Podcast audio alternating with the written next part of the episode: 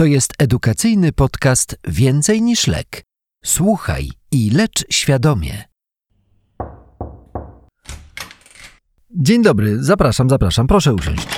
Krawczyk Mateusz, jestem nowym lekarzem rodzinnym w tutejszej przychodni. Magdalena Wolna, bardzo mi miło. Mhm, mnie również. System mi podpowiada, że ma pani 38 lat. Mhm. Mhm. No to co panią sprowadza? Panie doktorze, długo zwlekałam, żeby przyjść. Ja nie wiem, czy dostaję już na głowę. Znajomi mówią, że to może być depresja. Czuję się coraz gorzej. To się dzieje od dłuższego czasu, co najmniej kilku miesięcy. M- może powinnam zrobić jakieś badania albo brać jakieś witaminy. Mhm. A co dokładnie pani u siebie zauważyła? Nie do końca umiem powiedzieć. Nic mnie nie boli, po prostu ogólnie czuję się jak gówno. Przepraszam za wyrażenie. Mhm, mhm, nie rozumiem. Mhm. Nie mam siły ani ochoty na nic. Najchętniej bym tylko spała i to pod trzema kocami, tak mi zimno. Przybrałam w ostatnich trzech miesiącach chyba z 7 kilogramów. Włosy mi się łamią. Twarz i szyja mi tak jakoś takie duże się zrobiły. Mąż mi każe się ogarnąć. Nie zwraca na mnie uwagi. No jak ja wyglądam? Proszę, proszę chusteczkę. Mm, Postaram się pomóc pani ze strony medycznej. Zobaczymy, czy jest wytłumaczenie dla pani objawów. Jednak muszę zadać jeszcze kilka pytań, dobrze? Czy pojawiły się może u pani problemy z oddychaniem? Gorzej toleruje pani wysiłek na przykład? Oddycham normalnie, ale męczę się jak chodzę. Mhm, A gorączka, kołatania serca? Nie, Mhm, Okej. A może ma pani jakieś problemy z wypróżnianiem? Czarny stolec? Nie, normalnie brązowe. Ale zaparcia mam. Chodzę do toalety raz na trzy dni. Wcześniej nie było takich problemów. Mhm, rozumiem. Proszę mi jeszcze powiedzieć, czy była pani kiedyś operowana, albo na coś pani choruje przewlekle, a może przyjmuje pani jakieś leki? Hmm? Nie, nic z tych rzeczy. Biorę tylko takie witaminy, ale zapomniałam nazwy. Mhm. E, Czy jest możliwe, że jest pani w ciąży? Kiedy miała pani ostatnią miesiączkę? Nie, biorę antykoncepcję. Poza tym, jak mówiłam, mąż nie zwraca na mnie uwagi. Czy ktoś w rodzinie choruje poważniej? Cukrzyca, choroby serca, nowotwory, choroby tarczycy? Nie, nie kojarzę. Mhm. W badaniu przedmiotowym pacjentka w stanie ogólnym dość dobrym. Parametry krytyczne. Ciśnienie 110 na 80, tętno 55 na minutę, temperatura 36,6 stopni Celsjusza, BMI 29. Uwagę lekarza badającego zwróciła chłodna, blada, sucha skóra, twarz ze zubożoną mimiką, obrzęk okolicy oczu oraz karku sprężysty, nie zapadający się pod palcami. Na łokciach i kolanach zaobserwowano nadmierne rogowacenie, wrażenie jakby były brudne. Nad płucami szmer pęcherzykowy, serce miarowe, bez szmerów, bez cech niewydolności krążenia. EKG, rytm zatokowy 50-60 na minutę, bez zmian niedokrwiennych. Pacjentka w toku diagnostyki miała wykonane badania krwi. Drogi słuchaczu, spójrz na wyniki badań laboratoryjnych pacjentki dołączone do podcastu i zastanów się nad diagnozą. Następnie wysłuchaj omówienia przypadku. Cześć. I co sądzisz? Co jest naszej pacjentce? E, tam, łatwe. Mamy ostateczną odpowiedź w badaniach laboratoryjnych. Niedoczynność tarczycy, a na podstawie anty-TPO to już chyba nawet możemy stwierdzić, że to choroba Hashimoto. Ale powiem ci, że na podstawie samych objawów to ciężko byłoby mi to zdiagnozować. Nic dziwnego. Niedoczynność tarczycy jest zespołem objawów klinicznych, z których żaden nie jest specyficzny dla tej choroby. Jednak razem tworzą jej obraz, który potwierdzamy badaniami laboratoryjnymi. Diagnostyka różnicowa jest szeroka i powinna być ukierunkowana na dolegliwości, które zgłasza akurat pacjent. Choroba ta jest bardzo powszechna, dotyka kilku procent populacji, jest 4 do 5 razy częstsza u kobiet, a jej częstość wzrasta wraz z wiekiem. Powiedz mi, czy wiesz, czym jest spowodowana? E, No z tego co pamiętam, to objawy są wywołane m.in. niedoborem T4, czyli tyroksyny i wynikającym z tego niedostatecznym działaniem T3, czyli trójjodotyroniny na poziomie komórkowym. No, doskonale. To na początku przypomnijmy sobie nieco podstaw fizjologicznych. co byśmy wiedzieli, o czym mówimy. Bardzo chętnie. No dobra, to jak zapewne pamiętasz ze studiów, tarczyca to taki gruczoł umiejscowiony w przednio-dolnej części szyi i ma kształt motyla. Jakbyśmy wzięli mikroskop, to zobaczylibyśmy w jej wnętrzu charakterystyczne kuliste struktury wypełnione koloidowym płynem, czyli pęcherzyki, utworzone z komórek zwanych tyreocytami. Tyreocyty do wnętrza pęcherzyków wydzielają prekursor hormonów tarczycy. Y, Pamiętasz jak się nazywa? A to nie była przypadkiem tyreoglobulina? Zgadza się. Tyreoglobulina to taki duży konglomerat, który gromadzi reszty tyrozynowe, z których powstają hormony tarczycy. Trzeba jeszcze tylko dołączyć do nich jod. No, na studiach to chyba miałeś lepsze oceny niż ja. No, Masz rację. W dalszej kolejności do akcji wkracza jeszcze jeden enzym, tyreoperoksydaza, którą oznaczamy skrótem TPO i której jednym z ważnych zadań jest przyłączanie jodu do reszt tyrozynowych. W tej formie zmagazynowane hormony tarczycy T3 i T4 czekają sobie na rozkazy. Rozkazy? Masz na myśli sygnał z góry? Z przysadki? No pewnie. Aczkolwiek jako pierwsze o zapotrzebowaniu na hormony dowiaduje się podwzgórze, które wydziela TRH, tyreoliberynę. I ta rzeczywiście działa na przysadkę mózgową, która wydziela dobrze znany ci hormon, który jest najbardziej czułym i najczęściej oznaczanym markerem niedoczynności tarczycy. TSH. Tak, TSH stymuluje komórki tarczycy do uwolnienia zmagazynowanych hormonów do krwi. Głównym hormonem produkowanym przez tarczycę i wydzielanym do krwi jest, tak jak powiedziałeś, tyroksyna, inaczej tetrajodotyronina, w skrócie T4. Słuchaj, a przypomnisz mi, co oznaczał skrót FT4? No, jak to zwykle bywa z wieloma substancjami w naszym organizmie, krążą one we krwi związane z białkami osocza. Podobnie jest z hormonami tarczycy. Aktywna biologicznie jest więc forma wolna, niezwiązana z białkami osocza. Po angielsku free, stąd F. I taką tyroksynę nazywamy FT4. Stanowi ona niewielki promil całego T4 krążącego we krwi. Okej, rozumiem. W dalszej kolejności na poziomie pojedynczej komórki T4 przekształcana jest do T3. I to właśnie T3, niczym królowa balu, wchodzi do jądra komórkowego, gdzie na środku parkietu czeka na nią książę, receptor. Łączą się w parę i w efektownym tańcu następuje ekspresja odpowiednich genów. Co dzieje się dalej? Wpływ na metabolizm? Szczerze mówiąc, nie wiem, tak dokładnie nie umiem powiedzieć. No dobra, to może w uproszczeniu. E, Wspomniany efekt biologiczny to przyspieszenie podstawowej przemiany materii. Okej. Wyobraź sobie, że przychodzi zima, a w domu wysiada ogrzewanie. Twój organizm dostaje informację, że trzeba nachajcować w piecu, czyli zwiększyć intensywność procesów produkujących ciepło. Przyspiesza więc metabolizm komórkowy. Dalej stymulacja układu współczulnego. Okej, czyli fight or flight. Organizm zostaje postawiony w stan gotowości. Dobre. Serce i oddech przyspieszają, pobudzone zostają funkcje poznawcze. No, doskonale. Dodatkowo hormony tarczycy stymulują wzrost włosów i produkcję potu i łoju, a to tylko niektóre z ich funkcji. No i bardzo ważna rola dotyczy również wpływu na rozwój układu nerwowego i wzrost kości u dzieci. Ale wrodzoną niedoczynność tarczycy i pediatrię zostawmy sobie na inny podcast, no bo byśmy o tym gadali do jutra, nie? No, masz rację. Jedźmy dalej. No dobra, to omówiliśmy sobie działanie hormonów tarczycy, więc możemy zacząć zastanawiać się, co się dzieje, gdy ich brakuje. Spróbujmy wymyśleć dolegliwości pacjenta, a raczej pacjentki. Zwykle zgłosi się ona do przychodni z niewielką grupą objawów. No to tak. y, Pacjentka może zgłaszać na przykład, że jej zimno, No. że nie ma energii do życia, że ma tendencję do tycia. No okej, no super, czyli tak jak mówiliśmy, objawy bardzo niespecyficzne. To ostatnie to zgłasza akurat większość naszych pacjentów. Rację. E, coś jeszcze przychodzi ci do głowy? Nie wiem, no, że jest spowolniała, że nie tylko ona, ale też jej serce. No. Możemy zaobserwować w końcu bradykardię. Okej. E, do tego suche, łamliwe włosy, suchą, chłodną skórę. No, takie objawy właśnie zgłaszała nasza pacjentka. Dokładnie. Mogą być obecne jeszcze inne rozmaite problemy, jak zaburzenia miesiączkowania, e, dyslipidemia i choroby układu krążenia, a nawet problemy psychiatryczne na czele z depresją. Warto zapytać o spadki nastroju, brak motywacji do działania. Wspomnijmy Okej. jeszcze o charakterystycznych obrzękach, zwykle twarz, okolica oczu. Zupełnie inna lokalizacja niż na przykład w niewydolności krążenia, prawda? No, prawda, prawda, bo te obrzęki spowodowane są tym, że w stanie hipometabolizmu dochodzi do odkładania w tkankach hydrofilnych polisacharydów wiążących wodę. Może też pojawić się powiększony obwód szyi i pacjent będzie miał wolę. A jak sądzisz, czy niedoczynność tarczycy może być stanem zagrożenia życia?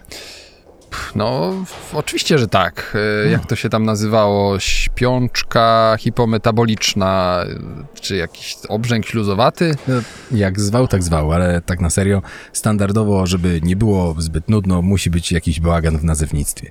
Niektóre źródła stosują pojęcie obrzęku śluzowatego jako synonim właśnie ciężkiej hipotyreozy i śpiączki hipometabolicznej.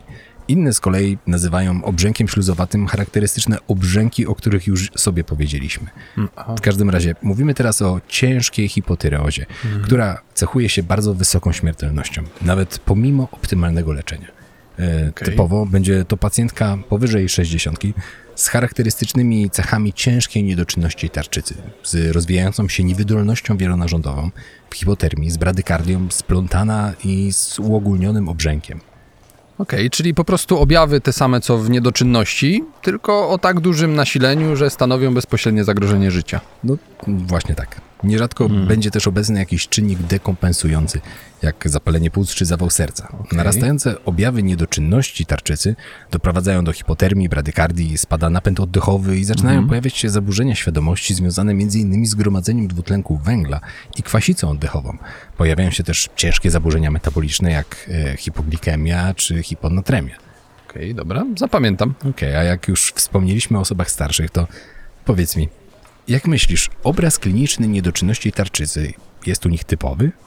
Podpowiedzią może być to, że skoro właśnie oni się dekompensują do ciężkiej hipotereozy, to chyba niekoniecznie. E, No właśnie chciałem mówić, że wiele chorób u pacjentów geriatrycznych przebiega niecharakterystycznie. Z tego co pamiętam, przecież połowa pacjentów geriatrycznych ze STEMI w ogóle nie ma bólu w klatce. A dobrze pamiętasz, e, objawy niedoczynności tarczycy w tej grupie wiekowej często mogą być nietypowe i mogą być przypisywane zarówno przez samego pacjenta, jak i jego rodzinę starzeniu się lub e, demencji. No wiesz, babcia gorzej funkcjonuje, coś tam się ostatnio przewraca, ciężej z nią pogadać o życiu i do tego schudła, no bo nie ma siły jeść. Czyli też odwrotnie w sumie, bo y, osoby młodsze to częściej tyją No w tak. niedoczynności. Tak, tak, no to cen, cenna uwaga. Yy, Niedoczynność tarczycy u starszej pacjentki może też objawić się jako zaostrzenie choroby serca, zespół cieśni nadgarstka, Okej. czy nawet nietrzymanie moczu. Ciekawe. No i tu może powstać takie błędne koło. Mamy niedobór hormonów tarczycy, więc starsza osoba gorzej funkcjonuje. Jeśli dotychczas była samodzielna, to może z tego powodu przestać brać leki, w tym również ten na tarczycę. Narasta tak. hipotyreoza, no nie? E, jeśli dana osoba jest samotna, albo rodzina odwiedza babcię raz na dwa tygodnie, to któregoś razu mogą zastać ją martwą na podłodze. Ajajaj. No, także bądź na to naprawdę wyczulony. Ale Okej. dobra, przejdźmy teraz do naszych przyczyn. E, Czy coś ci chodzi po głowie? Jaka jest najczęstsza przyczyna niedoczynności tarczycy? Chodzi mi po głowie głównie niedobór jodu. Jod jest przecież niezbędny do syntezy hormonów w tarczycy. Trójjodotyronina, tetrajodotyronina. No, dokładnie. Jest to nadal spory problem w krajach rozwijających się, który jednak na szczęście w Polsce w dużej mierze udało się rozwiązać. Okej. Mm, Poprzez odpowiednie ustawy nakazujące jodowanie soli spożywczej, prawda? Proszę, no dużo wiesz. W 1999 roku wprowadzono program eliminacji niedoboru jodu. Program odniósł niebywały sukces, ponieważ w niedługim czasie problem niedoboru jodu istotnie się zmniejszył, a następnie z obszaru Polski zniknęło wole endemiczne i kilka lat później usunięto nasz kraj z mapy krajów objętych tym niedoborem. Okej. Fajnie, podziwiam, że tyle o tym wiesz. No, dobra. Niedobór jodu był niezłym strzałem, jednak nie jest to najczęstsza przyczyna niedoczynności tarczycy w krajach rozwiniętych. No dobra, to mam drugi strzał. Hashimoto. Ja? Diagnoza naszej pacjentki. No i znowu dobrze. Rzeczywiście, najczęstszą przyczyną niedoczynności tarczycy w krajach rozwiniętych jest choroba Hashimoto, inaczej nazywana przewlekłym limfocytowym zapaleniem tarczycy. To choroba autoimmunologiczna, w której obserwujemy nacieki limfocytarne w tarczycy. Dodatkowo charakterystyczne jest występowanie przeciwciał anty-TPO przeciwko tyreoperoksydazie. To ten enzym przyłączający jod do reszt tyrozynowych. Pamiętasz, przed chwilą o tym mówiliśmy. No pewnie. E, słuchaj, e, z tego co pamiętam, w tej chorobie też mogą występować przeciwciała przeciwko tyreoglobulinie? Dobrze pamiętam? Y, Tak, rzeczywiście, ale są mniej charakterystyczne. Okej, E, Do rzadszych przyczyn niedoczynności tarczycy należą nasze interwencje, które często są konieczne z innych powodów. No wiesz, leczenie radiojodem, stany po operacjach tarczycy. Co tam jeszcze? E, No, o, pod, o podostre zapalenie tarczycy. E, choroba Dekerwena. A widzisz, to były przyczyny pierwotne, czyli problem dotyczył samej tarczycy. Okej. Mogą być jeszcze przyczyny leżące poza tarczycą. Czy wiesz, co mam na myśli? Okej, na przykład y, przychodzą mi do głowy guzy przysadki mózgowej zaburzające wydzielanie samego TSH. No, świetnie. Mówimy wtedy o niedoczynności wtórnej. No i została nam jeszcze niedoczynność trzeciorzędowa. Okej. To domyślam się, że wtedy idziemy jeszcze poziom wyżej, do samego centrum dowodzenia. No. Hmm? Na przykład guzy podzgórza upośledzające wydzielanie tyreoliberyny, czyli TRH. No i super. Okej. Myślę, że nie będziemy się dłużej nad przyczynami rozwodzić. O najważniejszych sobie powiedzieliśmy. Przejdźmy sobie teraz do diagnostyki i leczenia. Bardzo chętnie. No dobra, to jakie mamy najczulsze i najłatwiejsze badanie, które wykrywa niedoczynność tarczycy? Yy, TSH. Brawo. Oczywistym chyba jest, że skoro najczęstsze przyczyny niedoczynności tarczycy mają charakter pierwotny, to pierwotnie tarczyca wydziela zbyt mało T4. Okej, bo jest stopniowo niszczona przez nacieki limfocytowe i przeciwciała. Y, Na przykład, więc góra dostaje informację, że hormonów jest za mało. Trzeba zwiększyć produkcję i w ramach sprzężenia zwrotnego wysyła stosowną depeszę w postaci TRH, która pobudza TSH. I my ten wzrost TSH obserwujemy w badaniach. Oczywiście w niedoczynności wtórnej i trzeciorzędowej TSH będziemy mieli obniżone, tak jak typowo w nadczynności tarczycy. Okej, a czy jakieś inne badania jeszcze robimy? USG? Y, No, oczywiście warto zastanowić się nad przyczyną.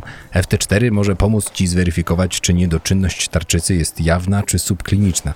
Y, Za chwilkę sobie o tym powiemy. E, Co jeszcze? Anty-TPO i anty-TG obecne są w chorobie Hashimoto. USG tarczycy też może pomóc w zdiagnozowaniu choroby Hashimoto albo innych patologii. Masz wtedy zwykle tarczycę o niejednorodnej echogeniczności, a czasem przy okazji możesz znaleźć na przykład guzki, które będą wymagać dalszej diagnostyki, takiej jak biopsja. Okej, rozumiem. A powiedz mi, czy podwyższone TSH jest już podstawą do włączania leczenia? Wiesz, to zależy. Jeśli masz pełnoobjawową niedoczynność tarczycy i do tego jeszcze stwierdzisz obniżenie w T4 w surowicy, to jak najbardziej zacznij leczenie. Nie ma na co czekać. Czasem jednak diagnostyka wymaga od nas wstrzemięźliwości. Jeśli stwierdzasz samo niewielkie podwyższenie TSH, powiedzmy poniżej 10 w przesiewowym badaniu, gdy T4 jest w normie, a pacjent nie ma objawów niedoczynności tarczycy, to mówimy wtedy o subklinicznej niedoczynności tarczycy. Oczywiście, zwykle jak dobrze poszukamy, to znajdziemy jakieś dyskretne objawy czy odchylenia w labo, tak jak, nie wiem, dyslipidemię. W każdym razie w praktyce subkliniczna niedoczynność tarczycy jest rozpoznaniem stricte laboratoryjnym i nie jest wskazaniem do włączania natychmiastowego leczenia. Poza jednym, jedynym wyjątkiem oczywiście. Kobiety w ciąży. Zgadza się. U kobiet planujących ciążę i tych w pierwszym trymestrze obecne zalecenia mówią o TSH 2,5 jako granicy, od której włączamy leczenie. Uzupełniając jeszcze wątek o subklinicznej niedoczynności, e, musisz wiedzieć, że w badaniach populacyjnych TSH wzrasta wraz z wiekiem, mimo braku patologii tarczycy. Poza tym niektóre leki Okej. mogą podwyższać stężenie TSH, na przykład e, sterydy, heparyny, ASA, a nie są to przecież jakieś egzotyczne substancje. No nie. E, TSH rośnie też po niedawno przebytej ciężkiej chorobie, więc jeśli twój pacjent niedawno wykaraskał się na przykład z sepsy, to możesz spodziewać się u niego wzrostu TSH. Tak więc, podsumowując, subkliniczną niedoczynność stwierdza się nawet u 10% populacji, a wraz z wiekiem rośnie ona do 25%. Bardzo ciekawe. Tak, także zanim włączysz leczenie, porządnie się zastanów. A najlepiej to skontroluj TSH za dwa miesiące. Oznacz FT4, a może wzrost TSH, nie wiem, był tylko przejściowy. Pamiętaj, że decyzja o włączeniu leczenia jest długoterminowa, nierzadko do końca życia. Nie zaleca się leczenia subklinicznego podwyższenia TSH, jeśli nie przekracza 10 i nie spodziewasz się uzyskać korzyści z tego leczenia. A szczególnie niezalecane jest to u osób w starszym wieku. W populacji geriatrycznej niepotrzebne leczenie może spowodować jatrogenną tyreotoksykozę, zbytnio obciążyć układ sercowo-naczyniowy i zwiększa śmiertelność. Okej, e, chwilę wcześniej mówiłeś o e, korzyściach z leczenia. Możesz mi powiedzieć, o co chodziło? Y, tak, no to młody wiek, kobiety w wieku rozrodczym, wole, dyslipidemia, zaburzenia depresyjne, stan po tyroidektomii, y, podwyższony anty-TPO. Różne zalecenia wskazują, że są to sytuacje, gdy pacjent potencjalnie może odnieść korzyść z leczenia subklinicznej niedoczynności tarczycy. Okej, kumam. E, No dobra, to co? Zostało nam chyba jeszcze tylko leczenie. W sumie to kojarzę, że stosujemy głównie L-tyroksynę. I co, to całe leczenie, prawda? Tak, w rzadkich sytuacjach, jak przełom hipometaboliczny, stosuje się również liotyroninę, będącą syntetycznym związkiem T3. Celem naszego leczenia jest oczywiście zniesienie objawów i normalizacja stężenia TSH. Zwykle zaczynamy od jak najmniejszych dawek, na przykład 25 mikrogramów i pod kontrolą TSH możemy zwiększać je co miesiąc, dwa, aż do uzyskania pożądanego rezultatu. Dobra. U osób starszych oczywiście wolniej i ostrożniej. Spokojnie możesz utrzymywać TSH na poziomie 4 do 6. Dobra, stary, kończmy na dziś. Dobra, pasuje. Dzięki bardzo. Spoko. Zapamiętaj. 1. Niedoczynność tarczycy to zespół objawów klinicznych wywołanych niedoborem tyroksyny w organizmie. 2.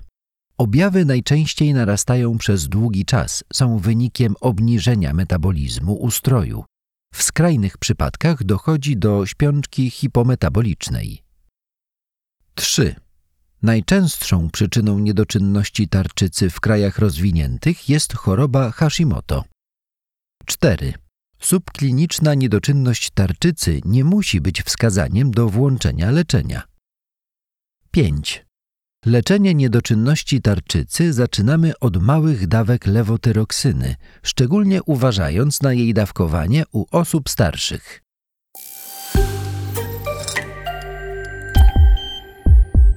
Więcej niż lek. Medyczny portal edukacyjny. Ucz się i lecz świadomie.